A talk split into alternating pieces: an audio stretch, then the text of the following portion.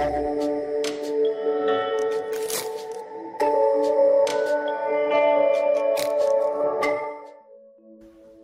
sejahtera saudara-saudara. Shalom GW Rock Samarinda. Wow. Saya ingin mengucapkan pertama-tama selamat Natal buat kita sekalian. Karena kita masih ada di minggu-minggu Natal. Ini adalah hari kedua setelah Natal. Dan tentu ini tetap merupakan semangat daripada kedatangan Yesus buat kita tetap membara di dalam kehidupan kita tanpa terasa kita ada di hari minggu terakhir dari tahun ini. Dan uh, secara pribadi saya harus katakan kepada saudara, saya belum pernah melewati satu tahun yang begitu dahsyat, begitu luar biasa seperti tahun 2020. Ada banyak orang yang menganggapnya bahwa tahun ini adalah tahun yang tidak enak, tahun yang menyedihkan, tahun yang menyuramkan dan menyeramkan. Tapi sebenarnya di tahun ini secara pribadi, saya harus katakan kepada saudara, is one of the best year ever. Karena ada begitu hal-hal yang tak terduga.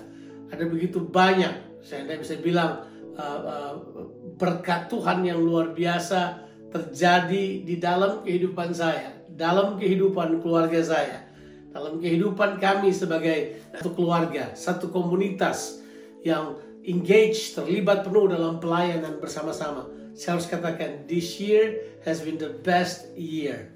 Ada banyak yang tidak sama lagi, ada banyak hal yang telah berubah, tapi yang luar biasa adalah tahun ini adalah tahun yang sangat baik.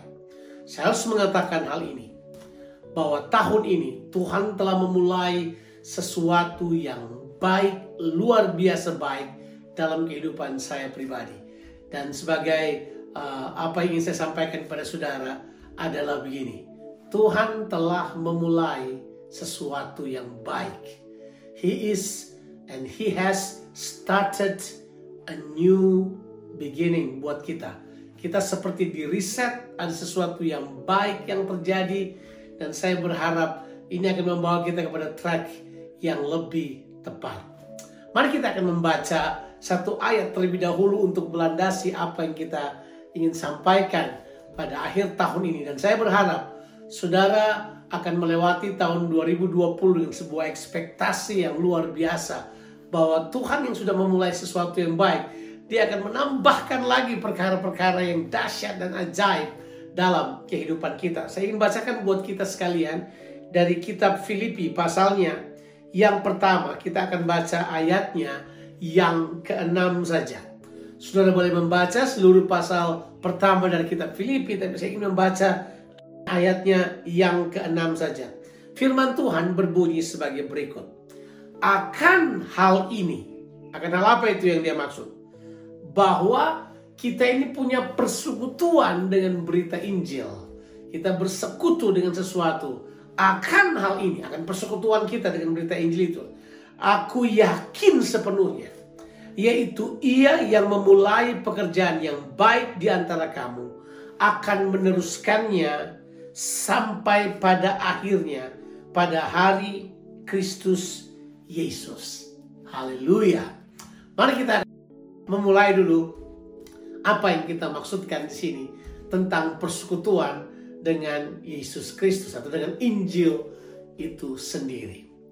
Di awal tahun ini atau di akhir tahun yang lalu, exactly satu tahun yang lalu, saya masih ingat saya berkhotbah di mana pun tentang kegoncangan-kegoncangan yang bakal datang. Saya masih ingat di khotbah Natal pun saya khotbah tentang kegoncangan.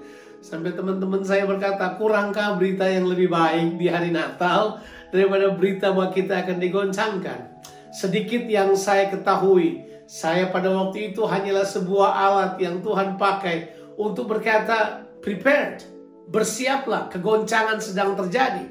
Dan saya masih ingat sejak tanggal 15 Desember tahun 2019 dan seterusnya saya merayakan Natal berkali-kali. Khotbah saya adalah Ibrani pasal 12 ayat 25 sampai ayatnya yang ke-29. Saya suka tambah dengan pasal 13. ayat yang pertama. Bahwa kegoncangan sedang terjadi. Kegoncangan sedang terjadi. Ternyata setelah kita melewati tahun kegoncangan, tahun 2020 ini, saya yakin betul bahwa setiap kita mengalami riset, kita kembali dikembalikan pada sebuah titik.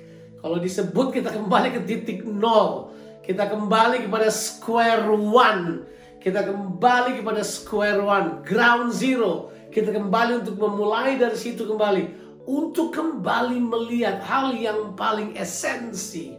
Sebab kita mengerti tujuan dari goncangan-goncangan yang terjadi ini ternyata adalah untuk membuat semua yang tergoncangkan meninggalkan kehidupan kita. Kalau saya pakai bahasa yang kita mengerti bahwa waktu goncangan ini terjadi semua yang aksesoris runtuh aksesoris-aksesoris dalam ibadah kita runtuh, aksesoris-aksesoris dalam kehidupan kita hancur.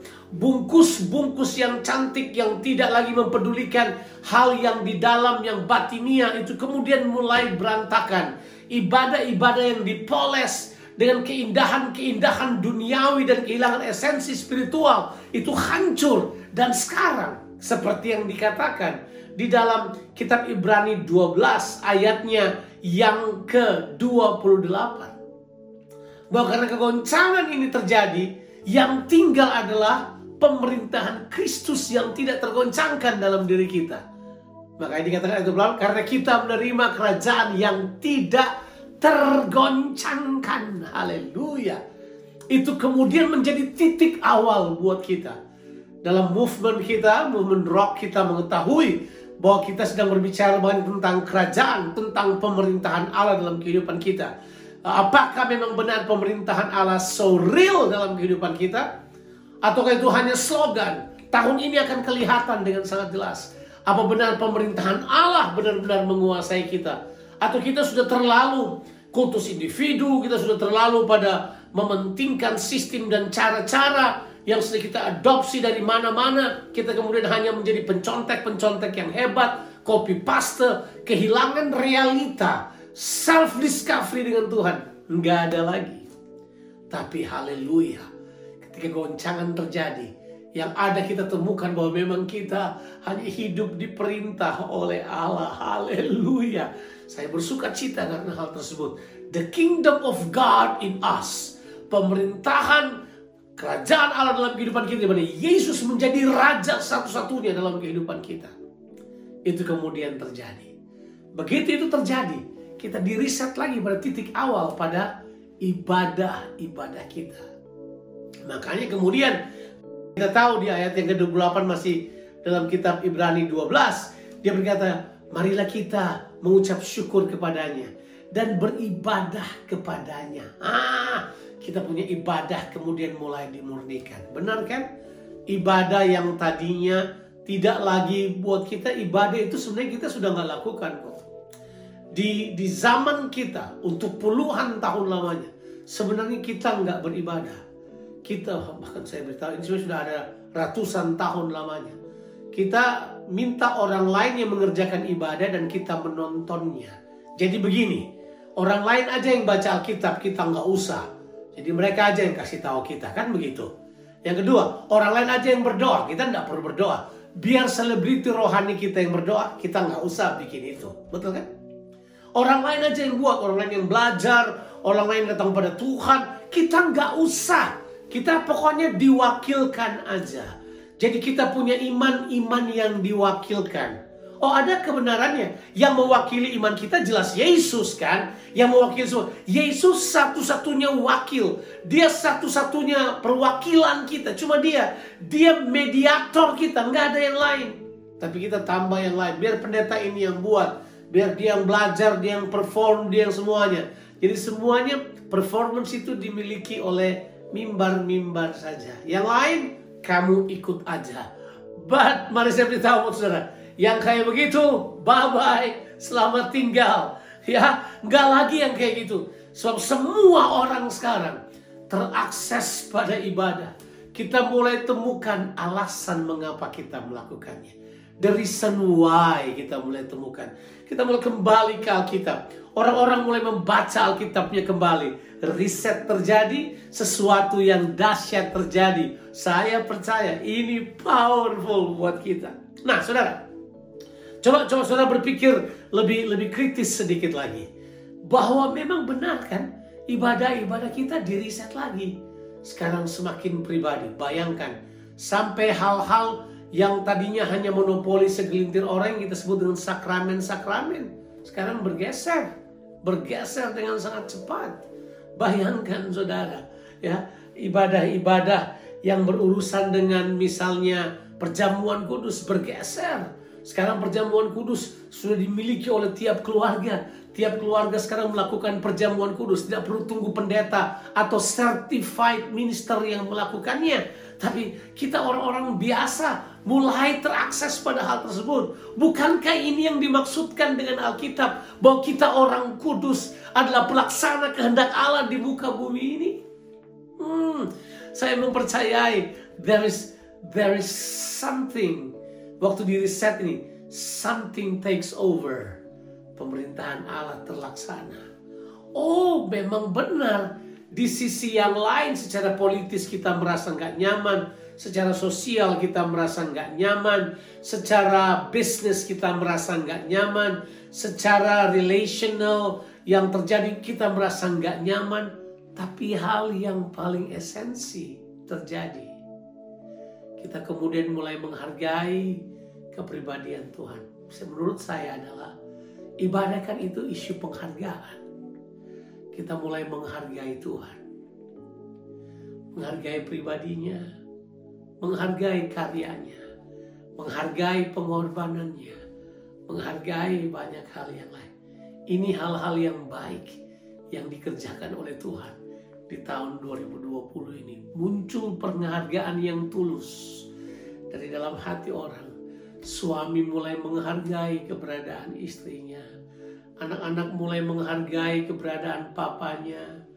Kita kemudian mulai menghargai kebersamaan. Oh jelas ada gesekan-gesekan, ada yang terjadi karena seperti kita re-educated lagi untuk gimana berhubungan dalam waktu yang lama, berbicara dengan anak-anak kita. Biasanya kita bicara dengan anak kita cuman kapan? Pada waktu kita ngobrol sebentar sekarang nggak bisa. Kita harus ngobrol lebih panjang dari mereka. We like we re-educated. Kita kemudian dididik kembali untuk hal-hal yang sangat mendasar tentang menghargai keluarga menghargai value-value dalam keluarga. Wah saya pikir ini adalah perkara yang dahsyat buat kita. Di tahun 2020 ada yang diriset kita lebih menghargai Tuhan. Takut akan Allah ucapan syukur kita betul-betul disertai pengorbanan. Kita mulai bersyukur karena kita lebih memiliki keluarga ada bersama dengan kita daripada cuma sekedar dapat uang yang membuat kita lebih jauh dari keluarga kita. Kita kemudian lebih menghargai hal tersebut. Wow, ya, respect muncul, itu glory muncul, honor muncul. Kita kemudian mulai membangun hal tersebut. Ibadah kita teruji hubungan kita teruji. Apalagi hal-hal esensi ini teruji. Dan inilah yang Paulus katakan. Akan hal ini aku yakin sepenuhnya.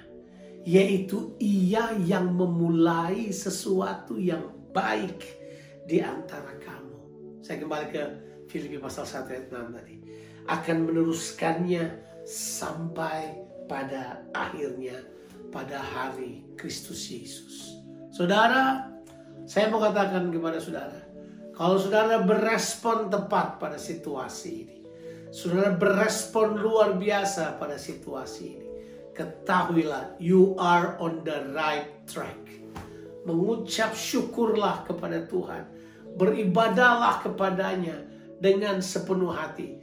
Jangan terburu-buru kerjakan sesuatu seperti yang dulu lagi Sebab sekarang kita perlu berpikir, berdoa dan kemudian mulai memasukkan strategi-strategi ilahi yang baru untuk ke depan. Karena Tuhan sudah berjanji, dia akan meneruskannya. So, bilangin kata ini, dia akan meneruskannya. Dia akan meneruskan. Siapa yang akan meneruskannya? Dia. Dia kata meneruskannya ini bukan meneruskan biasa. Meneruskan ini adalah meneruskannya sampai akhir. Wow, berarti tidak akan berhenti di tengah jalan. Berarti this is not something that go and going nowhere. But we are going to a certain place of perfection. Kita menuju kepada sebuah tempat, yaitu tempat yang sempurna, yang tepat seperti yang dia inginkan. Tapi kita sedang berjalan ke arah itu. Kita mempersiapkan diri kita. Ketahuilah, dia yang akan meneruskannya. Dia, he will continue. He will continue. He is the one. Dia yang akan melanjutkannya. Kita harus mengikuti apa yang telah dia mulai. Yuk mari, saya akan kerjakan dulu beberapa hal ini dengan saudara. Saya akan sampaikan dulu beberapa hal yang saya anggap penting yang dia sudah mulai. Yang pertama, apa yang dia sudah mulai? Yang dia sudah mulai adalah persekutuan. Wow, the fellowship yang dia sudah mulai. Mari kita hargai fellowship-fellowship kita. Ke depan saya mempercayai, di tahun depan kita mempercayai bahwa pertemuan-pertemuan komunitas-komunitas kecil, bahkan dalam jumlah yang sangat kecil, saya bahkan menawarkan mungkin dua atau tiga orang yang kita kenal sekarang entah kita menyebutnya sebagai Hafruta, kita menyebutnya sebagai Komsal atau komunitas saling, kita menyebutnya sebagai komunitas inti atau apa pun namanya tapi kita akan mengarah kepada hal tersebut. Gak apa-apa.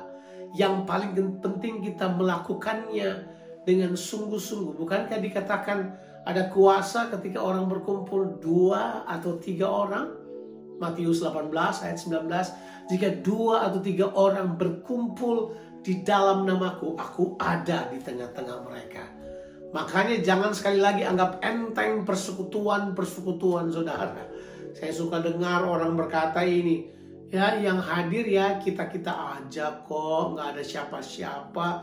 Ya cuman itu dia, dia dan saya. Ya kita-kita aja. Siapa bilang kita-kita aja? Saudara, hey, pencipta alam semesta hadir bersama dengan saudara. Ya, God of all creation at present with you when you are in the fellowship Saudara dalam persekutuan dia hadir dengan kita. Ya, semua kitab satu Yohanes menuliskannya, Paulus mengatakannya. Itu itu bukan perkataan-perkataan biasa. Yesus mengatakannya bahwa akan hadir di tengah-tengah kamu. Itu bukan sebuah statement biasa, itu adalah kebenaran kekal. Hmm. Makanya saya percaya dua atau tiga orang tetap masih bisa menjalankan itu social self distancing satu sama lain, tapi tetap saling menguatkan, saling berdoa, tetap ada pada persekutuan. Pelihara persekutuan kita. Sebab persekutuan kita itu punya tiga aspek. Aspek pengorbanan Kristus. Karena dia mati di kayu salib, supaya kita kembali punya persekutuan dengan Bapa dan dengan sesama. He is our peace. Jadi aspek pengorbanan Kristus ini adalah aspek perdamaian aspek rekonsiliasi, aspek saling mengasihi itu sangat kuat di dalamnya. Tapi dia juga punya aspek yang berikut yang saya pikir penting untuk kita ketahui. Aspek komitmen kesetiaan.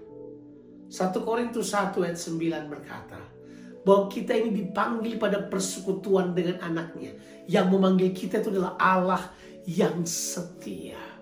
Jadi komitmen Tuhan untuk hadir dalam persekutuan itu tetap valid, kuat, bersih. Mulai sekarang kita akan membangun itu. Waktu kita kumpul bersama, jangan hilangkan kesadaran koram deo. Bahwa kita ada di hadirat Tuhan. Kita ada di hadapan Tuhan. Oh kita cuma bertiga. Mungkin tempatnya di tempat yang tidak biasa. ya Di tempat yang kelihatannya biasa-biasa aja. Di ruang tamu di sebuah rumah yang sederhana atau di tempat di tempat kecil dalam sebuah lobby yang mungkin jarang didatangin orang, tapi di situ hadir pencipta alam semesta. Haleluya. Di situ hadir dia yang berjanji setia bahwa yang memanggil kita dalam persekutuan itu setia. Haleluya. Aspek itu adalah aspek yang sangat penting buat kita. Jangan dianggap remeh aspek itu. Jadi saya percaya ke depan fellowship-fellowship kita akan menjadi sangat dinamis. Saya menyebutnya sebagai titik api yang menyebar ke seluruh kota. Akan muncul titik-titik api di seluruh kota. Kita tidak perlu sebuah api unggun yang besar dalam sebuah stadion. Sekarang titik-titik api yang menyebar ke seluruh kota. Titik-titik api inilah yang luar biasa. Kalau saya memakai bahasa dalam komunitas yang saya muridkan di Melbourne ini, saya katakan ini adalah seperti itu garam di pinggan yang dilepaskan di yang ditabur di dalam sebuah air yang dikutuki itu ya yang ditulis dalam kitab 2 Raja-Raja 2 ayat 19 oleh Elisa dia buang garam itu dia masukkan garam di pinggan baru itu kemudian terjadi kesembuhan pada air itu. Garamnya udah ditabur garamnya telah melarut melarut pada seluruh kota di mana setiap kota orang mulai merasa asinnya garam itu, asinnya kasih karunia, asin yang memberhentikan proses pembusukan kota itu mulai terjadi di mana-mana.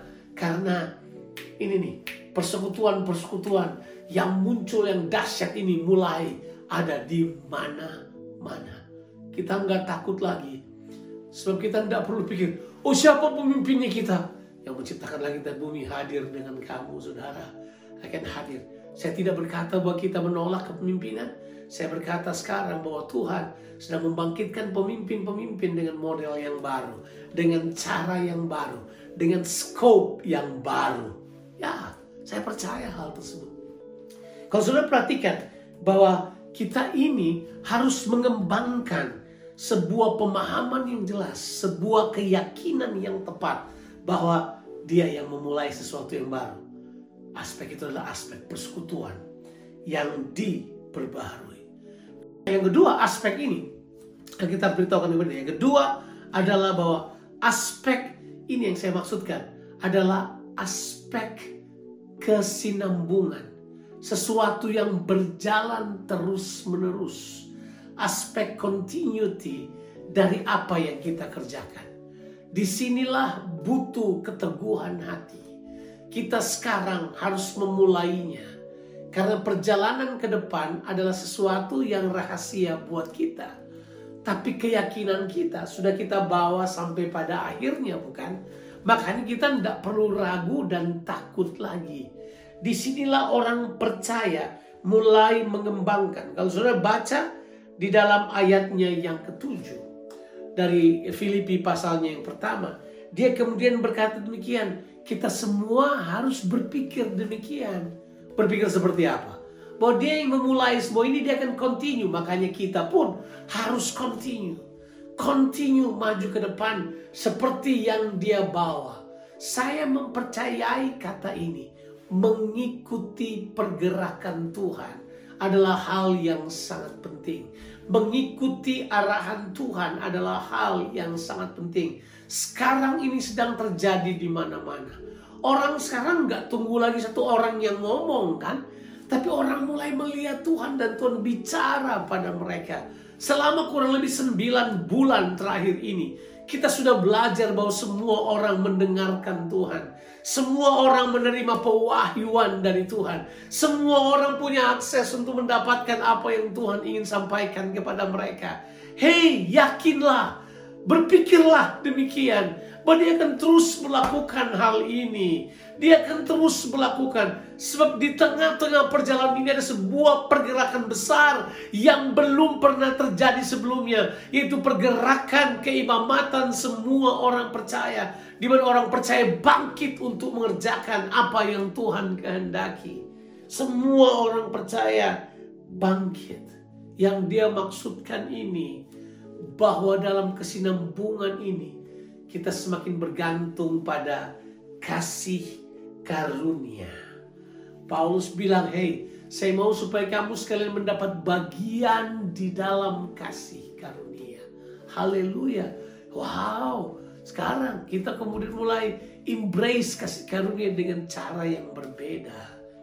Saya mempercayai bahwa apa yang terjadi di belakang sekitar sekitar sebutlah 5 6 tahun belakangan ini di mana orang memperdebatkan kasih karunia itu sebenarnya cuma hanya untuk menguatkan keyakinan tentang kebenaran kasih karunia. Ya, kita tidak perlu memperdebatkan lagi, tidak perlu tuduh ini sesat itu sesat. Sekarang mari kita hidup di dalam kasih karunia. Kita sudah semakin yakin bahwa kasih karunia bukanlah mengambil tanggung jawab kita. Tapi kasih karunia menguatkan kita, memampukan kita supaya kita mengerjakan tanggung jawab kita. Tanpa tanggung jawab kita tidak mungkin bertumbuh dan inilah kekuatan yang sedang dilimpahkan kepada gerejanya. Dicari orang-orang yang hidup dalam kasih karunia. Yang menyatakan tanggung jawabnya dengan berani. Menyatakan tanggung jawabnya dengan tidak lagi separuh-separuh. Tapi wholeheartedly mengerjakan tanggung jawab mereka. They, they, they not back down anymore. They, they really pursued. They're pursuing the will of God in their life. Mereka mengejar apa yang disebut dengan kehendak Allah dalam kehidupan mereka. Saudara, mari kita lihat aspek persekutuan sudah kita bahas. Aspek continuity atau kontinuitas dalam kasih karunia. Kita berharap Tuhan berbicara kepada kita. Tapi kemudian kita akan sampai pada aspek yang ketiga. Yang saya mau kita mengerti semuanya ini kita sekarang sebagai orang percaya sedang diperlengkapi dengan segala macam pengetahuan. Ayatnya yang kesembilan. Supaya kita kemudian mulai membuat pilihan-pilihan yang tepat. Ke depan, pilihan saudara akan sangat menentukan. Semakin kita bertumbuh menjadi dewasa, itu akan kelihatan pada pilihan-pilihan kita. Coba kita lihat baca ayat 9 dan ayat yang 10 dari Filipi pasalnya yang pertama. Dan inilah doaku. Semoga kasihmu makin melimpah dalam pengetahuan yang benar dan dalam segala macam pengetahuan sehingga kamu dapat memilih apa yang baik supaya kamu suci dan tak bercacat menjelang hari Kristus penuh dengan buah kebenaran yang dikerjakan oleh Yesus Kristus untuk memuliakan Allah. Saya baca sampai ayat yang ke-11. Coba kita lihat bahwa aspek yang ketiga adalah kita kemudian penuh dengan pengetahuan tentang ilah Tuhan ini. Dan saya percaya selama 9 bulan ini, hal yang baik yang Tuhan kerjakan adalah Tuhan menyatakan pewahyuannya buat kita kita kemudian mulai mengerti pewahyuan Tuhan. Bukan hanya secara logos, tapi secara rema. Bangkit sebuah generasi sekarang yang memiliki rema-rema yang luar biasa dari Tuhan. Mereka punya pengetahuan-pengetahuan yang luar biasa dari Tuhan. Bukan cuma pengetahuan-pengetahuan tentang kehidupan iman dan kerohanian dan keagamaan, tapi saya mempercayai ada sebuah pengetahuan yang dapat diaplikasikan pada bisnis mereka, pekerjaan mereka. Pengetahuan yang kaya dan limpah ini akan menyebabkan kita punya kemampuan untuk memilih. Kemampuan untuk memilih yang baik. Memilih yang suci.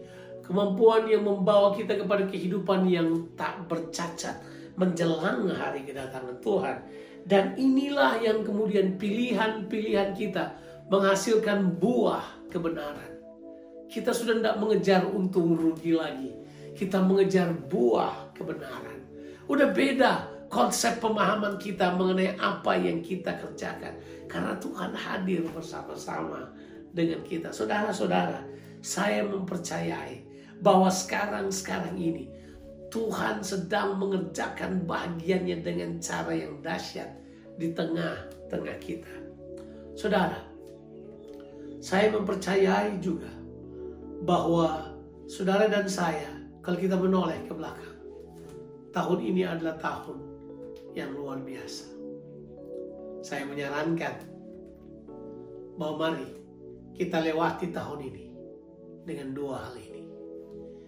Yang pertama dengan damai sejahtera. Kita berdamai dengan semuanya. Saya kalau menoleh ke belakang selama sembilan, ada saat-saat di mana saya pengen mengeluh juga. Eh, uh, ada. Tapi saya kalau lihat lagi balik, enggak. Keluhannya apa sih itu? Enggak sebanding deh. Enggak sebanding dengan apa yang saya rasakan saat sekarang ini. Bukan perasaan, tapi apa yang saya lihat apa yang saya ponder, apa yang saya renungkan, bahwa luar biasa Tuhan.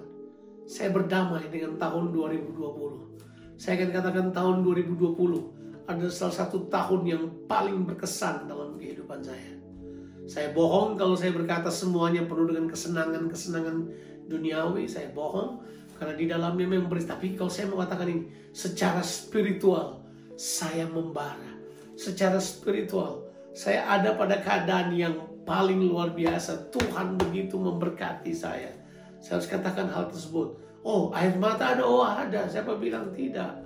Merasa terpukul kalah? Ada. Ada. Siapa bilang tidak? Tapi saya tahu, saya berdamai dengan apa pun yang saya lewati di tahun 2020 ini. Saya memasuk tahun 2021 dengan damai sejahtera. Karena saya tahu di depan, berita ini akan tetap saya bawa.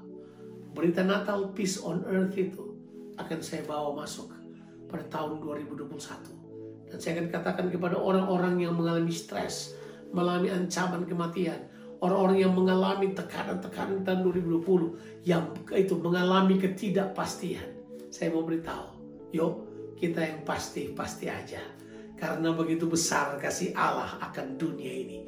Sehingga ia mengaruniakan anaknya yang tunggal. Supaya orang siapa percaya kepadanya tidak binasa. Mereka beroleh hidup yang kekal, yang pasti-pasti aja. Ya, kepastiannya jelas. Yesus akan datang pada kali yang kedua. Akankah dia menemukan iman di muka bumi ini? Saya mau beritahu pada saudara bahwa ada kepastian di tengah-tengah dunia di mana tidak ada lagi kebenaran yang mutlak. Orang berpikir semua kebenaran itu tidak ada yang mutlak lagi. Yang mutlak adalah apa yang kita pikirkan itu mutlak. Bayangkan. Saya beritahu pada saudara, kita tetap hidup dalam kebenaran ilahi. Kita tetap punya pilihan-pilihan yang tepat. Saya memilih masuk 2021 dengan damai sejahtera. Karena dia yang memulai sesuatu yang baik selama ini dalam persekutuannya dengan kita dan kita dengan dia itu telah memulai sesuatu yang dahsyat. Dan kita akan lanjutkan itu dalam kasih karunia Allah. Sehingga kita penuh dengan pengetahuan-pengetahuan yang Tuhan bawa pada kita. Sehingga kita punya kemampuan membuat pilihan-pilihan. Kebenaran ilahi memerintah dalam kehidupan kita. Saya percaya benar kata ini. Ya, bahwa kita tetap menyanyikan lagu itu glory glory hallelujah because the truth is marching on kita menyanyi kemuliaan, kemuliaan, glory, haleluya. Karena kebenaran Allah terus berjalan dan dia akan terus menang sampai pada kedatangannya yang kedua kali. Saudara-saudara yang kekasih dalam Tuhan Yesus Kristus, berbahagialah kita. Ya, ada begitu banyak memori yang indah di tahun 2020 yang akan kita bawa pada tahun 2021 dengan kemenangan penuh karena janji-janjinya yang ajaib. Sekali lagi, dia yang telah memulai sesuatu yang baik di tengah-tengah kamu. Dia akan melanjutkannya, dia akan meneruskannya sampai pada akhirnya, yaitu pada hari kedatangan Kristus yang kedua kali. Tuhan memberkati kita sekalian. Amin.